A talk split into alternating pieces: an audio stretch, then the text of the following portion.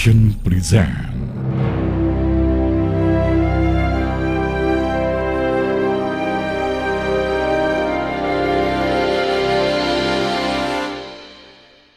Assalamualaikum warahmatullahi wabarakatuh. Halo adik-adik, apa kabar hari ini? Semoga adik-adik selalu dalam keadaan sehat walafiat dan selalu dalam lindungan Allah ya. Amin.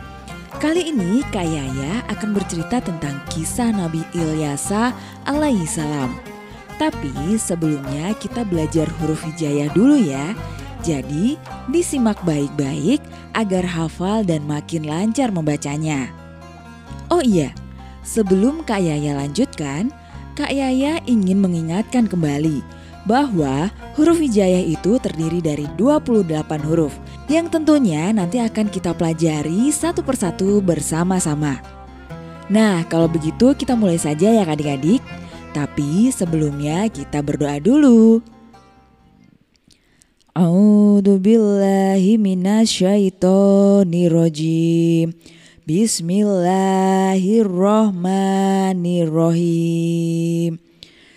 Rabbi zidni ilma warzuqni fahma waj'alani minasyolihin. Bismillahirrahmanirrahim. Bismillahirrahmanirrahim. Na wa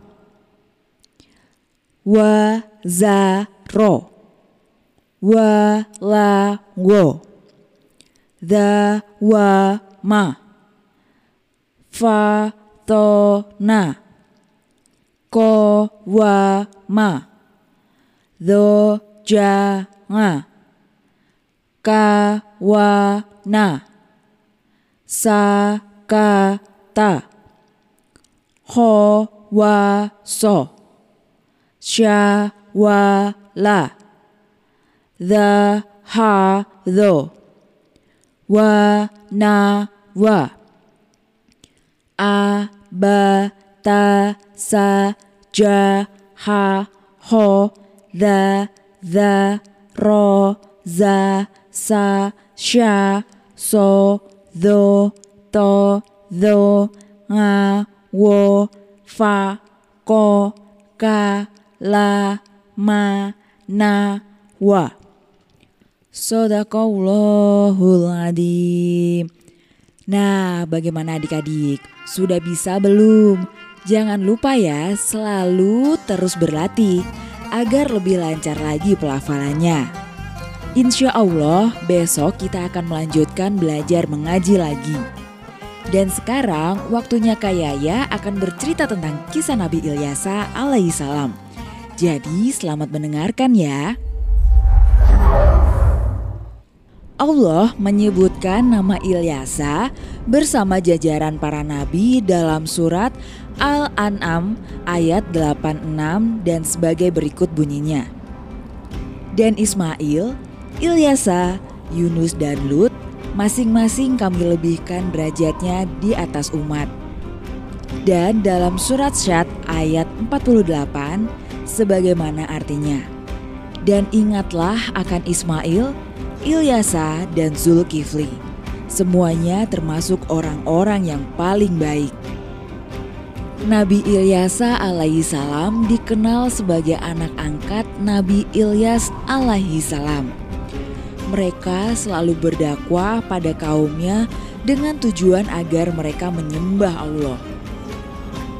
Dari silsilah keluarganya, diketahui bahwa Nabi Ilyasa alaihi salam merupakan anak kandung dari Asbat. Akan tetapi setelah pertemuannya dengan Nabi Ilyas alaihi salam, beliau dijadikan anak angkatnya. Oleh karena itu, Nabi Ilyasa alaihi salam sangat erat kaitannya dengan Nabi Ilyas alaihi salam. Pada saat Nabi Ilyas alaihi salam dikejar oleh pasukan kaum Baal yang durhaka, beliau bersembunyi di kediaman Ilyasa yang pada saat itu mengalami sakit keras. Wahai ibu, apa yang menimpa anakmu karena ia terlihat lemah dan tak berdaya. Iya tuan, anak saya sudah lama menderita sakit keras, tapi belum kunjung sembuh. Mendengar hal tersebut, Nabi Ilyas alaihissalam merasa iba kepada ibu Ilyasa. Kemudian sebagai tanda terima kasihnya, Nabi Ilyas alaihissalam berdoa kepada Allah untuk kesembuhan putranya yaitu Ilyasa.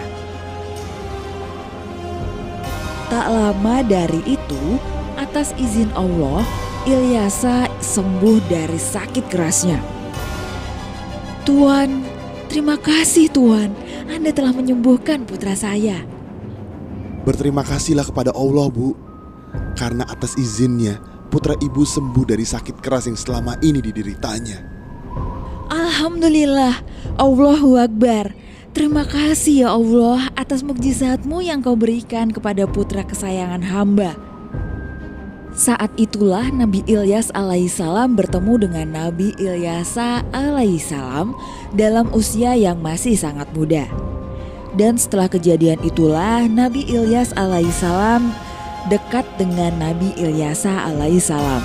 Sehingga diangkatlah beliau menjadi anaknya. Nabi Ilyasa mengikuti Nabi Ilyas alaihissalam ke mana pun beliau pergi untuk berdakwah menyebarkan ajaran Allah. Dan sepeninggalan Nabi Ilyas alaihissalam, Nabi Ilyas alaihissalam melanjutkan dakwahnya. Sepeninggalan Nabi Ilyas alaihissalam, ternyata kaum Bani Israel yang semula dituntun pada jalan Allah menjadi kaum durhaka kembali mereka menyekutukan Allah. Nabi Ilyasa alaihissalam pun tak gentar terus mengingatkan mereka dan mengajak mereka untuk kembali ke jalan Allah. Wahai kaumku, kembalilah ke jalan Allah. Tidak ingatkah kalian akan nikmat Allah yang sudah diberikan kepada kalian? Hei Ilyasa, diam kamu. Jangan kau seperti ayahmu, Ilyas yang selalu menyebut nama Allah kepada kami. Wahai kaumku, memang benar adanya. Allah Maha Pemberi, Maha Pengampun. Jadi, mohon ampunlah padanya.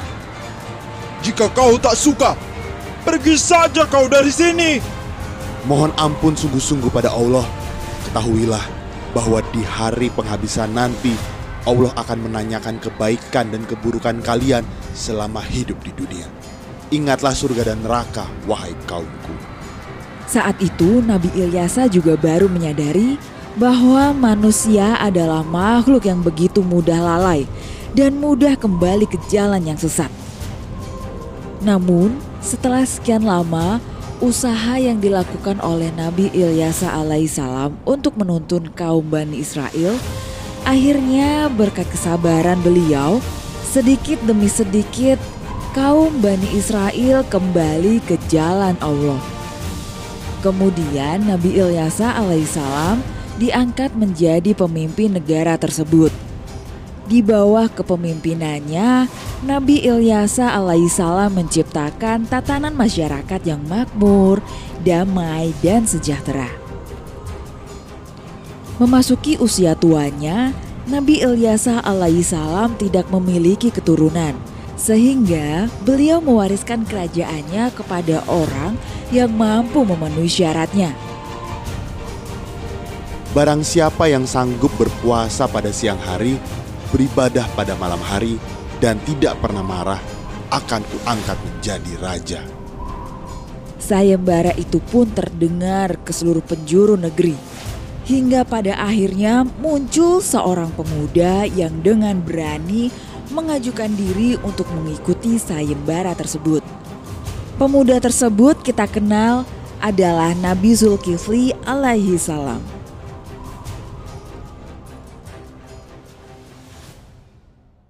Nah, itu tadi adalah kisah Nabi Ilyasa alaihi salam. Pelajaran yang dapat kita ambil dari kisah Nabi Ilyasa alaihi salam adalah kita tidak boleh durhaka kepada Allah karena pasti akan menerima azab atau hukuman dari Allah. Selain itu, sosok Nabi Ilyasa bisa kita jadikan contoh dalam kehidupan sehari-hari. Yang mana Nabi Ilyasa itu adalah seorang yang sabar dan gigih dalam berdakwah, sehingga rakyatnya dapat hidup dengan makmur.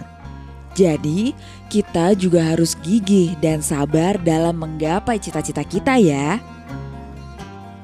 Baiklah adik-adik, sampai di sini dulu ya. Nantikan kisah Nabi dan Rasul lainnya di podcast Cerita Nabi dan Rasul. Kayak ya, pamit undur diri dulu ya. Insya Allah kita akan bertemu kembali. Dadah, wassalamualaikum warahmatullahi wabarakatuh.